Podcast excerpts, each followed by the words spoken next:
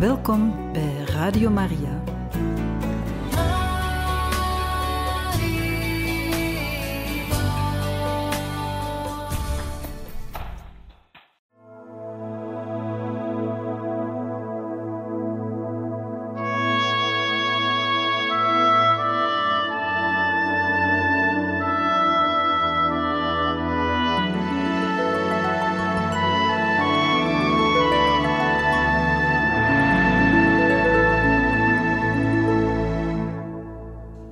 Koninklijk Ereteken, oktober 1881.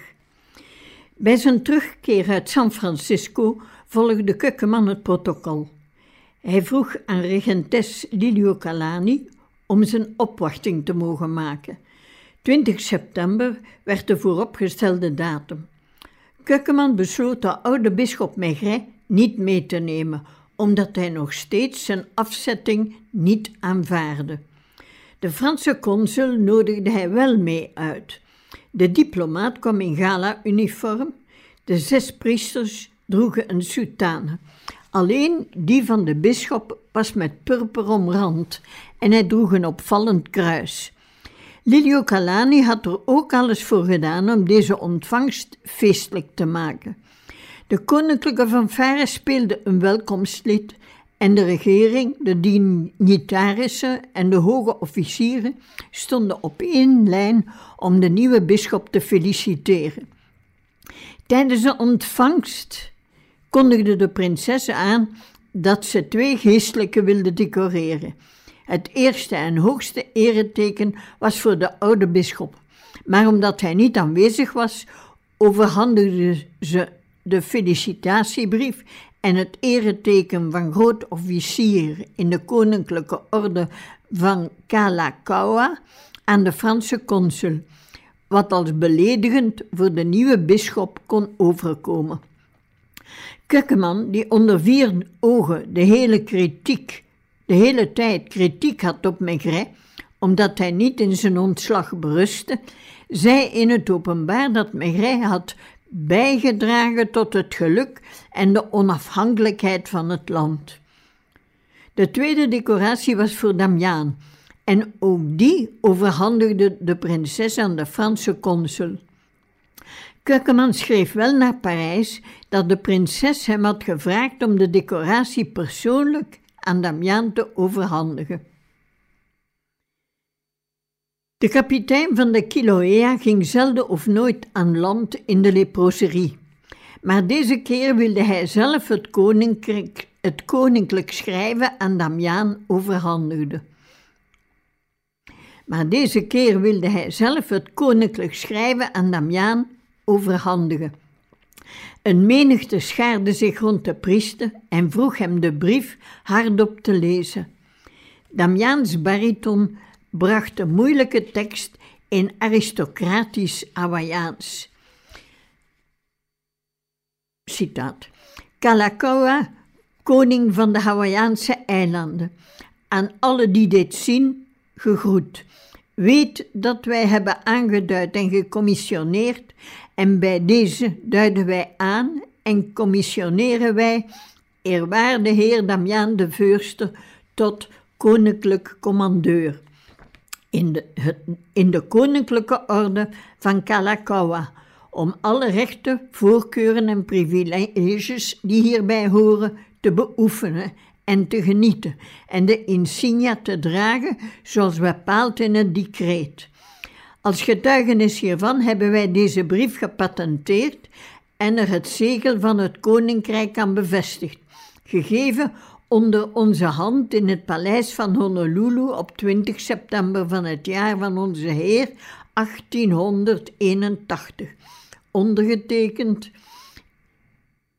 Lilio Calani, regentes voor de koning, kanselier van de Koninklijke Orde van Kalakaua.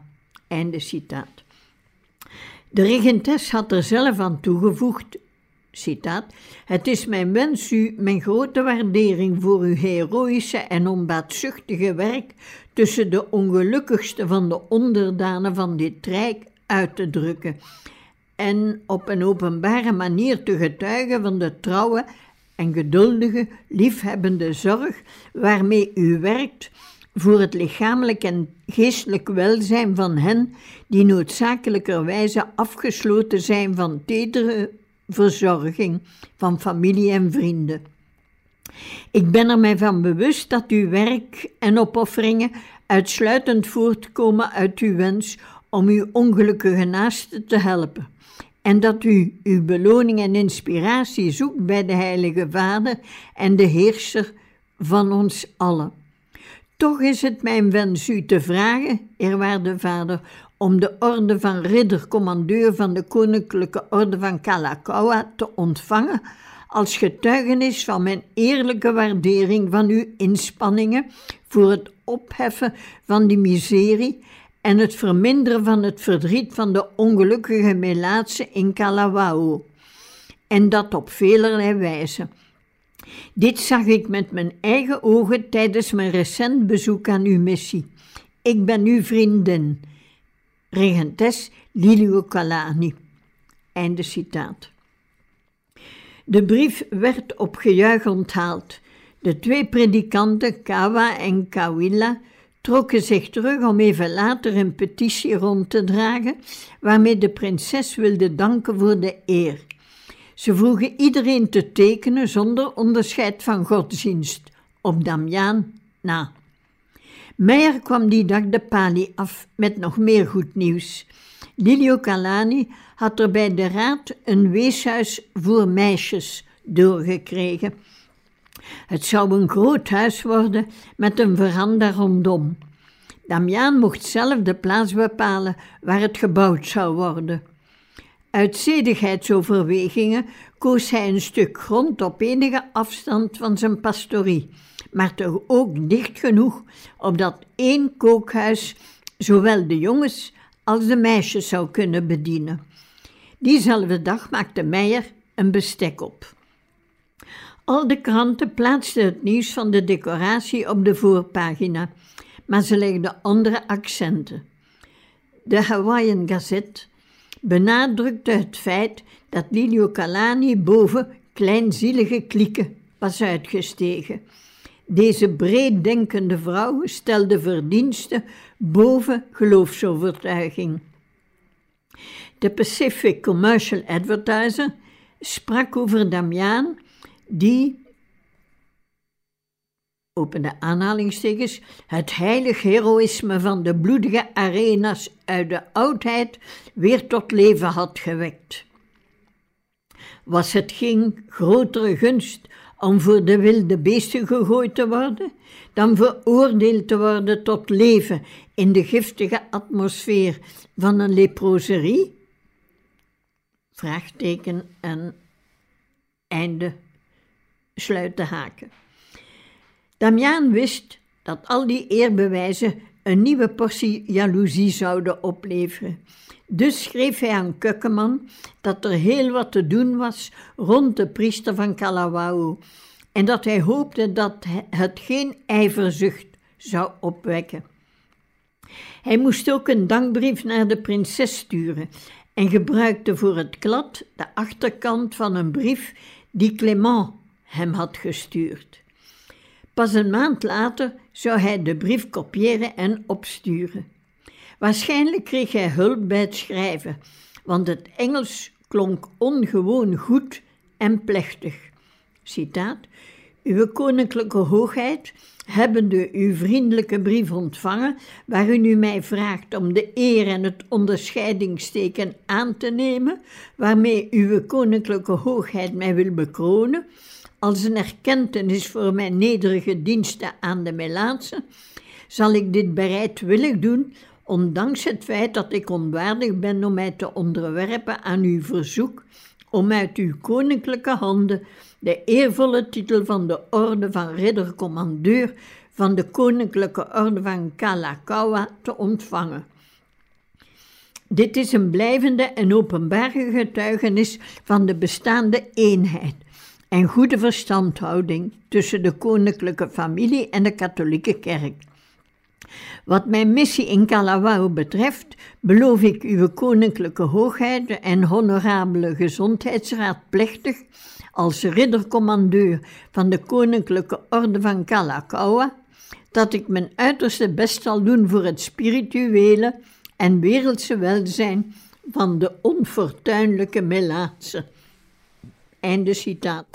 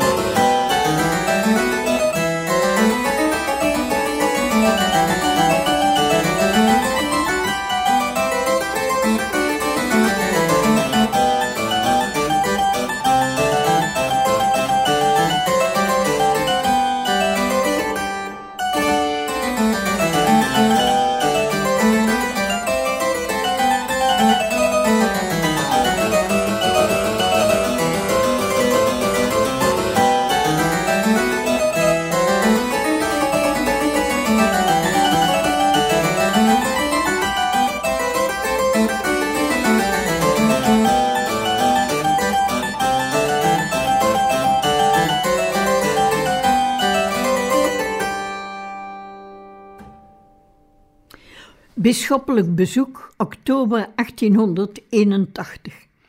Damiaan dacht aanvankelijk dat de prinses het teken zelf zou komen overhandigen, maar was opgetogen met het bericht dat bisschop Kekkeman hen op 8 oktober die eer zou bewijzen. Hij begon meteen de vormelingen voor te bereiden en reed de dag voor de komst de topside parochies af om ook daar de mensen op de hoogte te brengen van het bezoek. Bij dageraad wachtte hij op de kade van de Kaunakakai, een haven op de zuidkust. Toen de boot maar niet verscheen, bleef Damiaan wachten, een volle dag en een hele nacht. Kukkeman had Damiaan 24 uur later dan voorzien niet meer op de kade verwacht. Hij begroette de vuurster zwak, want hij was tijdens de tocht de hele tijd zwaar zeeziek geweest en hij wou alleen maar liggen. Damiaan wist dat de Melaatse al 24 uur op het bisschoppelijk bezoek wachtte, maar toch stelde hij voor dat de bisschop eerst in de koninklijke residentie zou rusten, een plaats die samen met de nabijgelegen Kupaiwai, koninklijke zandgaarde en kokosgaarde, berucht waar, was voor zijn hula-rituelen. En die hula-rituelen daar staat hierbij dans, rieten voor de godin Laka. Terwijl de bisschop bekwam van de reis, liet Damiaan de gigantische hoeveelheid bagage naar de pali brengen. Het zag er naar uit dat monseigneur een hele tijd in de leproserie zou blijven. Een deel van de bagage was al door Fouesnel aangekondigd. Staf, mijter, de regalia van de bisschop. Wat Damian niet wist, was dat de bisschop al zo dood was voor lepra en dat hij alles had meegebracht: matrassen, lakens, servies, kerkgewaarden, puntjes, puntjes, puntjes. Tegen de middag begonnen de twee pikbussen aan de afdaling. Wat Damian opnieuw niet wist, was dat de bisschop aan hoogtevrees leed. Zodra hij de afgrond zag, verstijfde hij en durfde hij haast geen voet meer te verzetten. Hij trachtte zich te vermannen, zette enkele krampachtige passen, gleed enkele meters naar beneden en bezeerde daarbij zijn been en bil. Het werd te veel voor de bisschop en Damiaan moest hem zowat naar beneden dragen. Kukkeman mocht zijn decorum niet verliezen, want onder aan de panie stond een met vlaggen zwaaiende bereden menigte hem op te wachten. De mensen lachten hun tanden bloot. Toen stelde Damiaan hem een predikant voor en noemde hem broeder in Christus. De bisschop was daar zo ondersteboven van dat hij niet zeker was of hij het juist had gehoord. Clayton Stroom en Captain Zoemner hielden een welkomsttoespraak en boden de bisschop een paard aan. De etikette eiste dat hij in het zadel van misschien wel een melaatse moest kruipen. Hij deed het, al bezorgde dat hem pijn scheuten in zijn zere been en bil.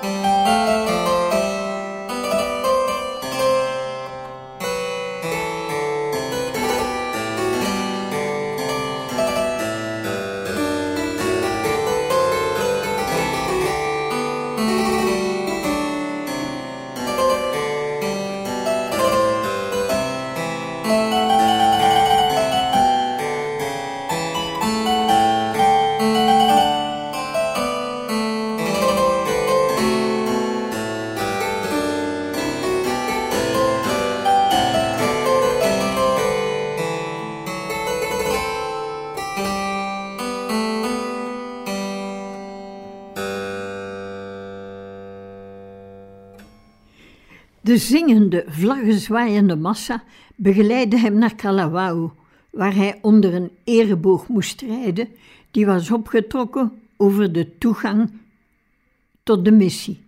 Maar Kukkeman zag alleen het kerkhof en de graven. Op die vreselijke plaats stond Albert Motiton, een man die hij niet kon luchten. Met zijn koor Melaatse bracht hij een welkomstlied, staande op graven. De bisschop moest glimlachend luisteren en kon zelfs een kleine rede houden. Tijdens het lof in Sint Filomena kreeg hij oprispingen van de stank, maar vanwege zijn bisschoppelijke waardigheid moest hij die doorslikken. Eindelijk liet Damiaan de bleek geworden bisschop even rusten in de logeerkamer van zijn pastorie. Voor Kukkeman was ook dit besmet gebied, want het gerucht deed de ronde dat Damiaan melaats was. De bisschop was door twee dingen geobsedeerd: zo snel mogelijk wegraken en de woorden van Damiaan toen ze het pad waren afgekomen. Hij had de protestanten broeders in Christus genoemd. Buiten hoorde hij mensen praten, veel mensen. Er werd gezongen, want op het hospitaalterrein tegenover Sint Filomena kwamen de Melaatse samen om de uitreiking van het ereteken mee te maken. De bisschop moest de relatief veilige kamer weer uit en hij kreeg bovendien nog eten voorgeschoteld dat misschien besmet was, al verzekerde Damiaan hem dat een gezonde persoon het gekookt had. Hij volgde de veurster naar een podium. Heel wat redenvoeringen werden gehouden en die waren een en al lof voor Damiaan. Zelf zei de bisschop, citaat, in afwezigheid van haar broer vond prinses Lilio Calani het passend om publiekelijk het edelmoedig werk van pater Damiaan te eren door hem tot ridder in de orde van Kalakaua te benoemen. Einde citaat. Hij nam de mooie medaille en stak die voorzichtig op de soutane van Damiaan. Applaus alom. Hoeden vlogen de lucht in en hiermee zat Kukkermans taak erop. Waar het niet dat hij mensen moest vormen, een ritueel dat ook voor hem nieuw was. Damiaan wou het erekruis meteen afnemen, maar Kukkeman zei hem het minste voor de tijd van zijn bezoek op te houden, waarop die hoogvaardige Belg met een grote glimlach zei dat zijn kruis meer blonk dan dat van de bisschop. Ondanks zijn angsten deed Kukkeman zijn plicht. Hij sliep in de pastorie, nam biecht af van Melaatse, gaf hun de communie, doopte mensen en vormde parochianen zowel in Kalawao als in Kalopapa. In dat laatste dorp overhandigden de parochianen hem een petitie. Ze vroegen toestemming om de kerk in kruisvorm te vergroten. Melaatse zagen niet goed en zo zouden meer mensen de mis kunnen volgen. De bisschop keurde dit goed, want hij had haast. Zijn dragers waren al uren vertrokken met de bagage. Hij klom gezwind op het paard en reed vastbesloten richting Pali.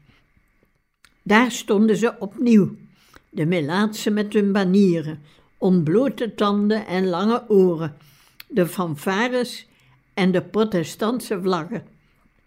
En ze hadden zoveel aloha op hun gezicht. En aloha is een welkomstgroet en liefde en medelijden. Reverend Kawilla klom een eindje het pad op en legde met een handbeweging de muziek stil. Toen Kukkeman hoorde wat de man te zeggen had, kreeg hij koude rillingen. Kawilla legde uit dat Damian en hij het eens waren dat er vrede moest heersen en verdraagzaamheid, want met de dood voor ogen waren protestanten en katholieken gelijk. In naam van alle overtuigingen die het goede nastreefden, vroeg hij Kukkeman om de zegen.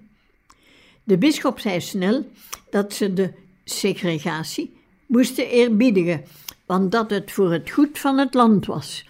Maar eenheid en samenwerking waren uiteraard heel belangrijk. Hij heeft toen de protestanten, mormonen, heidenen, maar ook de katholieken gezegend en is haastig het pad opgestormd. Damiaan volgde hem tot boven. Toen ze het hoogplateau over waren en de zee zagen, luisterde Kokkeman niet meer naar de veuster, die hem uitlegde hoeveel vormelingen er waren op topside. Hij had de boot gezien en die zou hij nemen, weg van het eiland van de hekserij. Terug in Honolulu beleefde hij de schrik van zijn leven. Zijn vingernagels begonnen uit te vallen. Hij vreesde lepra te hebben. De dokter raadde hem aan om rubberen handschoenen te dragen, een veiligheidsmaatregel die tot aan zijn dood een gewoonte zou blijven.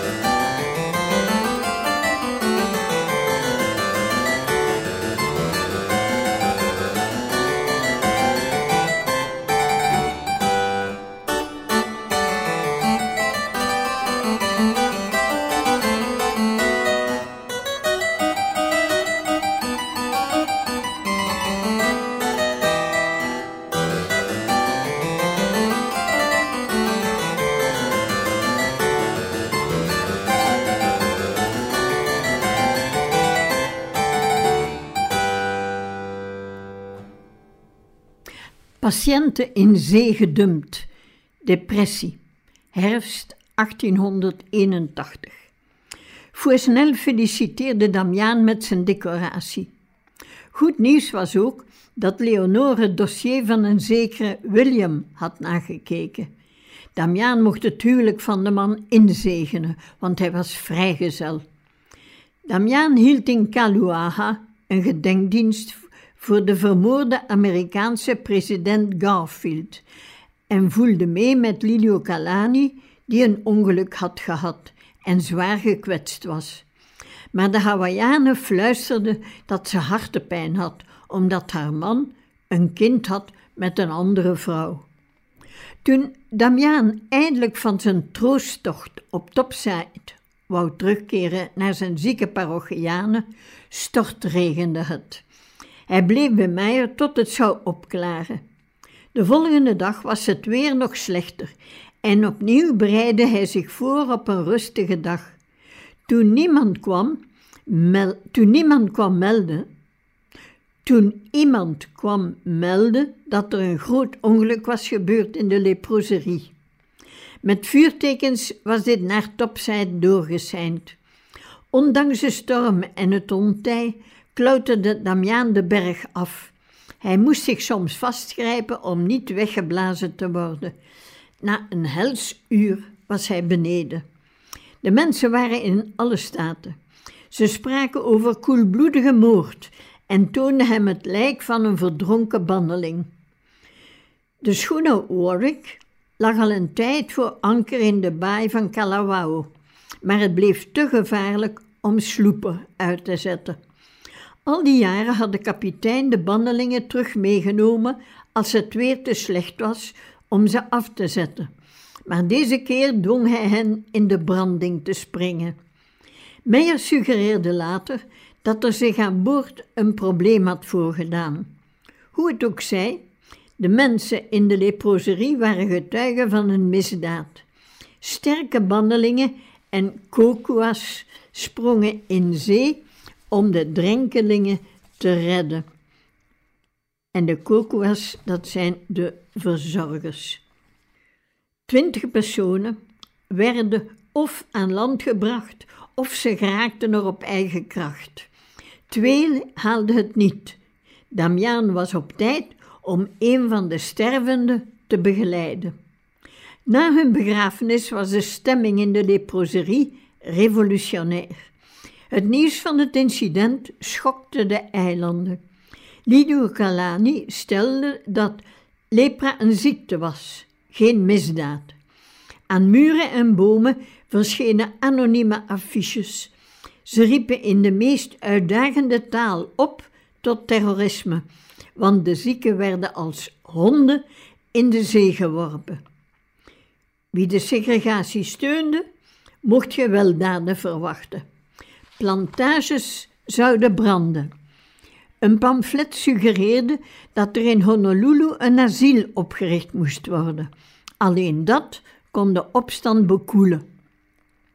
Tijdens zijn volgende ronde op Topside zag Damiaan van op het grasveld voor zijn kerk in Kaluaha velden branden op Maui.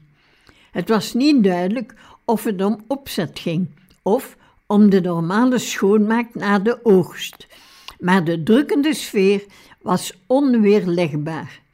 Damiaan voelde zich ook moedeloos.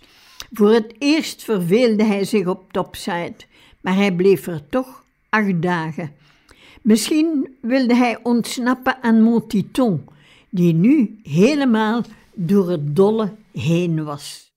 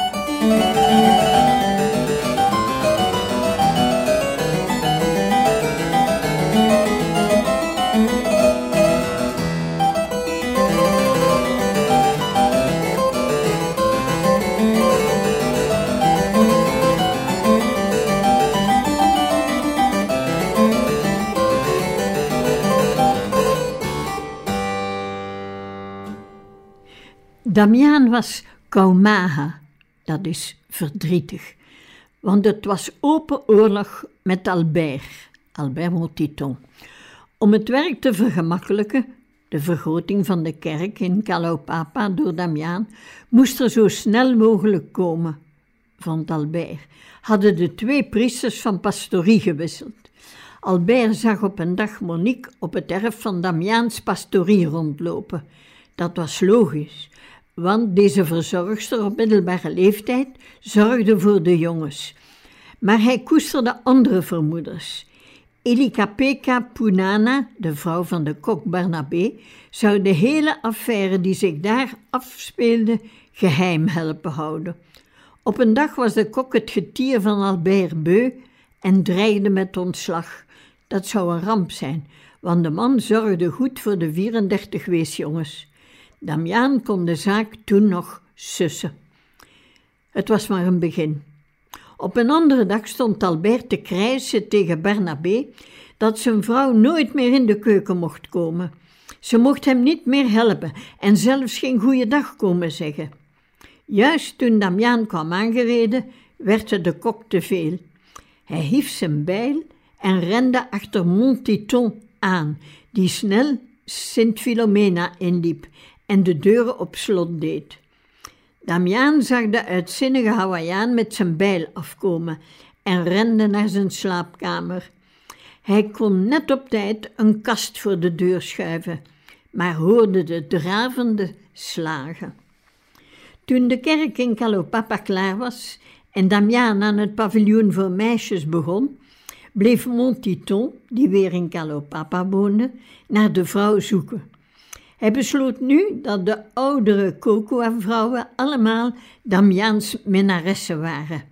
Julia was de hoofdgeliefde, maar ook Malia Holemakani en Filomena Kulia waren van Damiaan.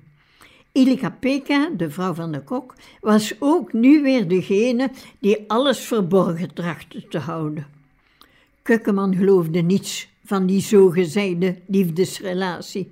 Want Albert had ook op het grote eiland tot tweemaal toe een gelijkaardige heisa gecreëerd, terwijl hij er geen probleem in zag om met vrouwen in zijn eigen slaapkamer te zingen. Erger was dat Damiaan het niet meer uithield.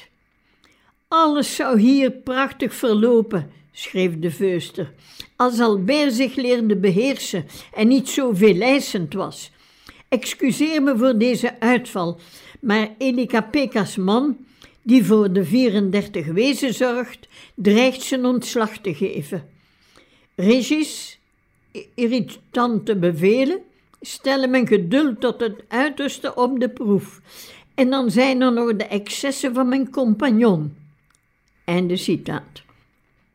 Keukenman maakte een voor hem typisch besluit, waar niemand iets van begreep. Damiaan werd verantwoordelijk voor de hele leproserie, maar had alleen beslissingsrecht in Kalawao, terwijl Albert in alles ondergeschikt was aan Damiaan, maar in Kalaupapa volledig onafhankelijk moest werken. Er waren dan andere problemen. Dr. Charles Nielsen slaagde in anderhalf jaar nauwelijks iets te doen. Hij streek wel zijn loon als regeringsarts op en daarmee gokte hij op de paardenrennen in Honolulu. In oktober 1881 verloor hij zwaar. Hij leende juwelen, zogezegd, voor zijn vrouw. Hij verdween op een vreemde manier in Nieuw-Zeeland.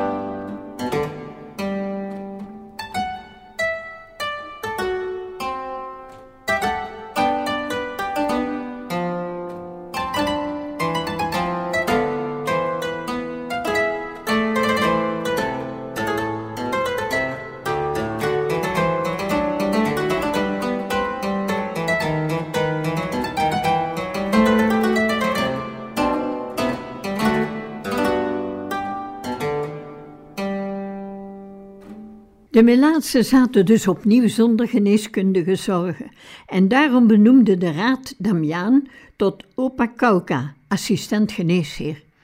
Na acht jaren in Kalawao kon hij kleine problemen oplossen. Zijn sarcasme kwam boven toen hij Epsomzout bestelde. Citaat. Tot zover rooien we het hier goed, zonder de medische officier van het soort die we laatst hadden. Einde citaat. Al snel kwamen de echte problemen. Assistent geneesheer was een vage benoeming. En de Britse zeeman John Ostrom wilde niet dat Damiaan zich met het hospitaal bemoeide. Ostroms hoofdzorg was hygiëne. Hij wilde een proper hospitaal. En nu drong Damiaan aan op meer vrijheid voor de patiënten. Dit dispuut was snel afgelopen. In december werd de Californische arts George Finch, Fitch benoemd en hij nam alle verantwoordelijkheden over. Fitch was bereid hard te werken. Hij had zijn jonge vrouw achtergelaten in San Francisco en wilde voldoende sparen om in die stad een praktijk te openen. Hij kwam met de volle steun van de protestantse kerk, wat hem onmiddellijk verdacht maakte bij Kukkeman. Damian had een goed contact met de man. Hun voornaamste discussiepunt was dat Fitch er heilig van overtuigd was dat lepra het vierde stadium van syfilis was. Zijn redenering leek logisch.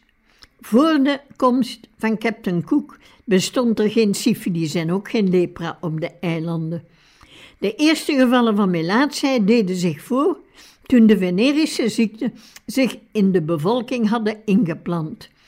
Fitch meende dat er geen melaatse was die ook niet syfilis had. Daarmee Damiaan sprak dit tegen, want hij vermoedde dat hij een tegenvoorbeeld was. Hij had nog nauwelijks gevoel in zijn voet. Om zijn theorie kracht bij te zetten, hoopte Fitch een gezonde ter dood veroordeelde met lepra te mogen inenten. De gevangene zou zijn straf in totaal isolement moeten uitzitten, zodat de arts kon vaststellen of hij lepra kreeg zonder syfilis te hebben. Te midden van al die turbulenties was het prettig nieuws te krijgen van thuis.